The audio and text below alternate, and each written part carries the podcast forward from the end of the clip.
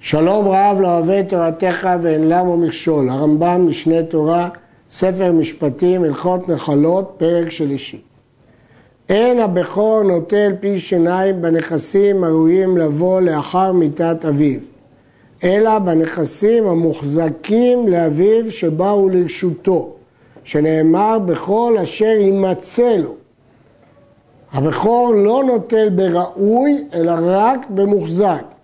מה שראוי ואחר כך מגיע, מתחלק בשווה בין הבכורים והפשוטים כאחד. כיצד?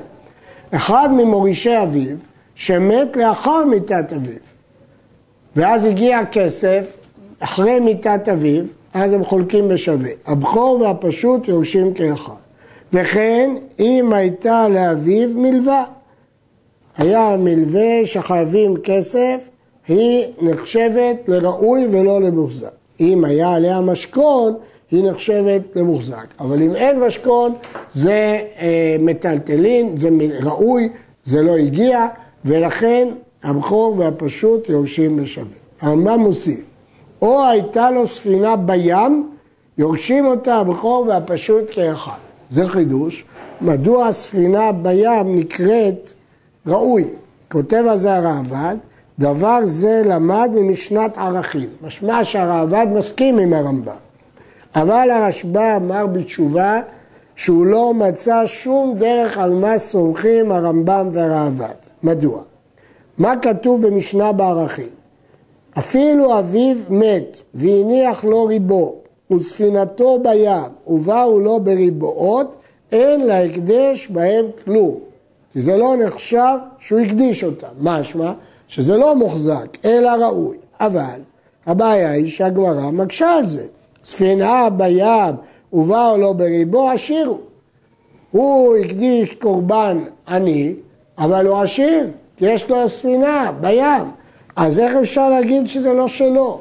ותרץ רב חסדה בשהייתה מוחקרת ומוזכרת ביד אחרים.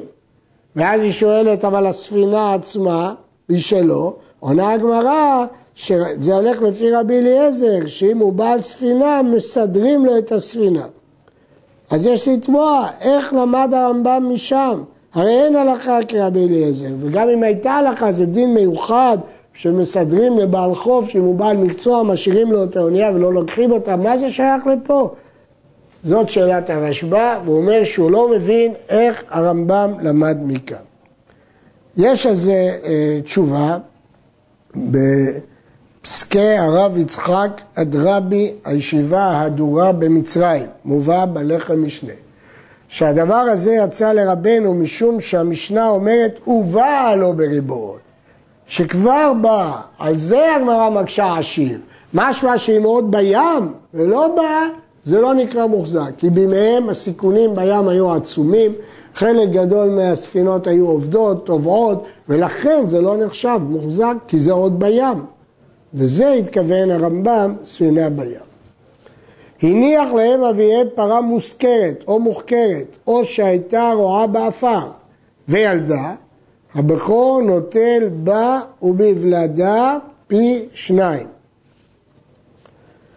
השאלה הזאת, אה, אה, הרייבד מקשה עליה, זה המחבר פוסק כרבי ואין הלכה כרבי. באמת על הברייתא הזאת אמרו בגמרא, מאני רבי, ואמר בכור נוטל פי שניים בשבח ששיבחו נכסים לאחר מיתת אביהם, בשבחה דממילא. אז אם זה כרבי, אין הלכה כרבי. אבל זה לא ייתכן בשום אופן שהרמב"ם סובר כך, כי הרמב"ם עצמו בהלכות הבאות לא פוסק כרבי, ופוסק ששבח ששיבחו נכסים הוא לא יורש. אז אם כן, למה פה הוא פוסק שיורש? מגין משנה משיב שמוכרחים לומר שמה שהעמיד רב פאפא כרבי זה לפני שהקימו את הגמרא בערא דמסיק סרטון ודיקלה דאלים. כלומר, שזה רק בהווה אמינא, אבל למסקנה כולם מסכימים שהבכור נוטל בה וולדה פי שניים. אחרת דברי הרמב"ם קשים מאוד. שחט אחד ממכרי אביו בהמה. מכרי אביו זאת אומרת שאביו כהן ויש טבח אחד שנעמיד נותן לו את המתנות באופן קבוע. ואחר כך מת אביו, נוטל פי שניים במתנות של אותה הבהמה. כיוון שהוא מכירי בהמה ורגיל לתת לו את המתנות, כאילו הוא זכה בהם בחיים כבר. ולכן זה לא ראוי, זה מוחזק, כאילו כבר המתנות שלו, עוד לפני שהוא מת.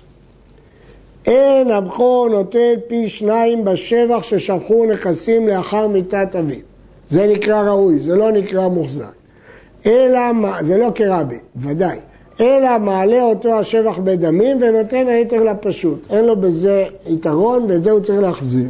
והוא שהשתנו הנכסים, כגון כרמל שנעשית שיבולים, כפניות שנעשו צווארים, הם השתנו מחמת עצמם, לא מגיע לו בשבח כי זה דבר רק כאשר יימצא לו מה שנמצא בשעת מיתה, וזה לא היה בשעת מיתה, זה שבח שהשביח אחר כך, לא מגיע לו בזה. אבל אם שבחו מחמת עצמם ולא נשתנו, כגון אילן קטן שגדל ונעשה עבה, וארץ שאלת סרטון, הרי זה נוטל בשבח זה שניים, כי זה היה מצוי בשעת מיתה, לא חל בו שום שינוי. וכך המגיד מסביר את הדין הקודם לגבי ילדה.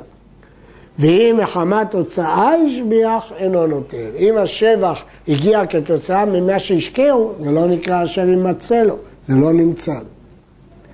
אין הבכור נוטל פי שניים במלווה, אף על פי שהיא בשטר. כי זה נקרא עדיין ראוי, זה לא גבוי. ואף על פי שגבו היתומים קרקע בחוב אביהם. גם אם גבו קרקע, היא לא נחשבת מוחזקת, למרות שהייתה משועבדת, היא לא נחשבת מוחזקת. היה לאב מלווה ביד הבכור. כלומר, האבא הלווה כסף לבנו הבכור. אז כאן יש בעיה, מצד אחד זה ראוי, כי, הלווה עוד לא שילם למלווה, מצד שני מי זה הלווה? הבכור, אז זה אצלו. הרי זה ספק אם ייטול בה פי שניים, הואיל וישנה תחת ידו, זה נחשב למוחזק, כי הוא ישלם לעצמו.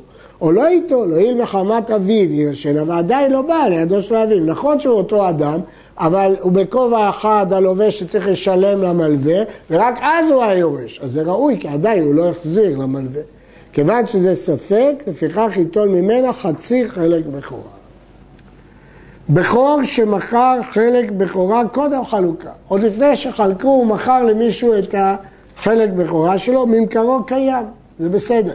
מפני שיש לבכור חלק בכורה קודם חלוקה. זה לא דבר שלא בא לעולם, עוד לא חלקו, אבל כבר יש לו חלק בכורה. לפיכך, אם חלק עם אחיו קודם במקצת נכסים, בין מקרקע, בין מטלטל, ואתה חלק הפשוט, ויתר בכל הנכסים, ואינו נוטל בשערם אלא כפשוט. למה? כי אומרים לו, אתה מחלת, היה לך חלק בכורה ואתה ויתרת עליו. במה דברים אמורים? בשלא מיכה. אבל אם מיכה באחיו ואמר בפני שניים, ענבים אלו שאני חולק עם אחי ושווה, לא מפני שמחלתי חלק בכורה, אלא מפני שכרגע אני לא רוצה לקחת, הרי זו מחאה ולא ויתר בשאר נכסים.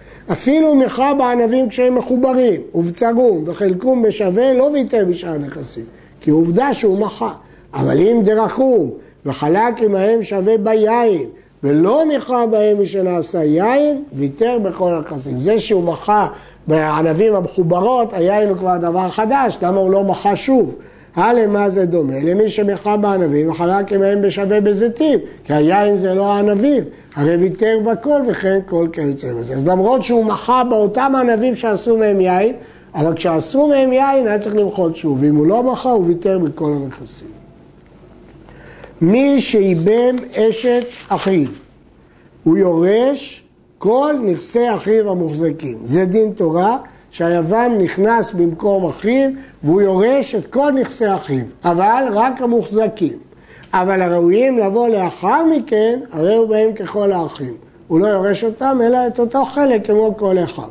שהרי בכור קרא אותו הכתוב, שנאמר, והיה בכור אשר תלד יקום על שם אחיו המת ולא יימחה שמו מישראל, למרות שפשט הפסוק מדבר על הבכור שתלד היבמה, אבל חז"ל דורשים אותו על האח המייבם, שנתנו לו דין של בכור. וכשם שאינו נוטל בראוי כבמוחזק, כך אינו נוטל בשבח ששלחו נכסים אחר מיתת אביו, משעת מיתה עד שעת חלוקתו עם אחיו בנכסי אביו, כי רק בקיים הוא נוטל ולא בשבח. ואפילו השביחו נכסים אחר שאיבם וקודם שיחלוקו, הרי הוא בשבח כאחד מן האחים. אף על פי שנותן נכסים אלו שני חלקים, חלקו וחלק אביו, אחיו שאיבם אשתו. הואיל ומת האב בחיי כולה. אז זאת אומרת, אמנם מגיע לו שתי חלקים, אבל הוא לא יורש את כל הנכסים של אחיו, כי זה לא היו מוחזקים. כיוון שלא היו מוחזקים, הוא לא יורש אותם. כבר ביארנו בהלכות שכנים, שהבכור נוטל שני חלקים שלו כאחד במצר אחד, כדי שיהיה לו נוח לחרוש את שניהם כאחד. אבל היוון שחלק עם אחיו בנכסי אביו, למרות שקראנו לו בכור, נוטל חלקו וחלק אחיו בגורל, ואם עלה עליו גורלו בשני מקומות, נוטל בשני מקומות. לעניין זה אין לו דין של בכור. רק לעניין שהוא נוטל שני חלקים במוחזק, נתנו לו דין של בכור. אבל לעניין שייטול במצר אחד, לא נתנו לו דין של בכור. שומרת יבם שמתה, דהיינו, אישה שמיועדת לייבום לאחי בעלה שמת בלי בנים. אפילו בה אחד מן האחים מאמר. מאמר זה קידושין דה רבנן שהתקינו חכמים לפני הייבום. מן התורה לא צריך כלום, הוא ישר מייבם אותה, אבל מדה רבנן עושה לה מאמר שזה קידוש, מעין קידושין. המאמר הזה גורם שברור שהיא תהיה מיועדת אליו ולא למישהו אחר. ואחר כך היא מתה.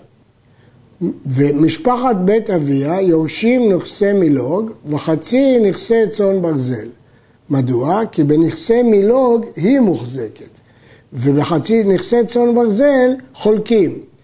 היא ויורשי הבעל. ויורשי הבעל יורשים כתובתה עם חצי נכסי צאן ברזל. ויורשי הבעל חייבים בקבורתה, הואיל והם ירשו כתובתה כמו שביארנו במקומו, ההלכה היא שכל מי שהוא קובר, הוא זה שמי שמקבל את הכתובה הוא זה שהוא קובע. הגמרא במסכת יבמות תולה את זה בשאלה האם אנחנו רואים את המאמר כנישואין או כאירוסין. והגמרא מסתפקת ודנה בזה במחלוקת בית שמאי ובית הלל, והגמרא מכריעה שלפי בית הלל גם אם נפלו כשהיא שומרת יבם, בעצם נכסי מילוג הם בחזקת משפחת בית אביה, כי זה הפירוש אה, נכסים בחזקתה. עד כאן.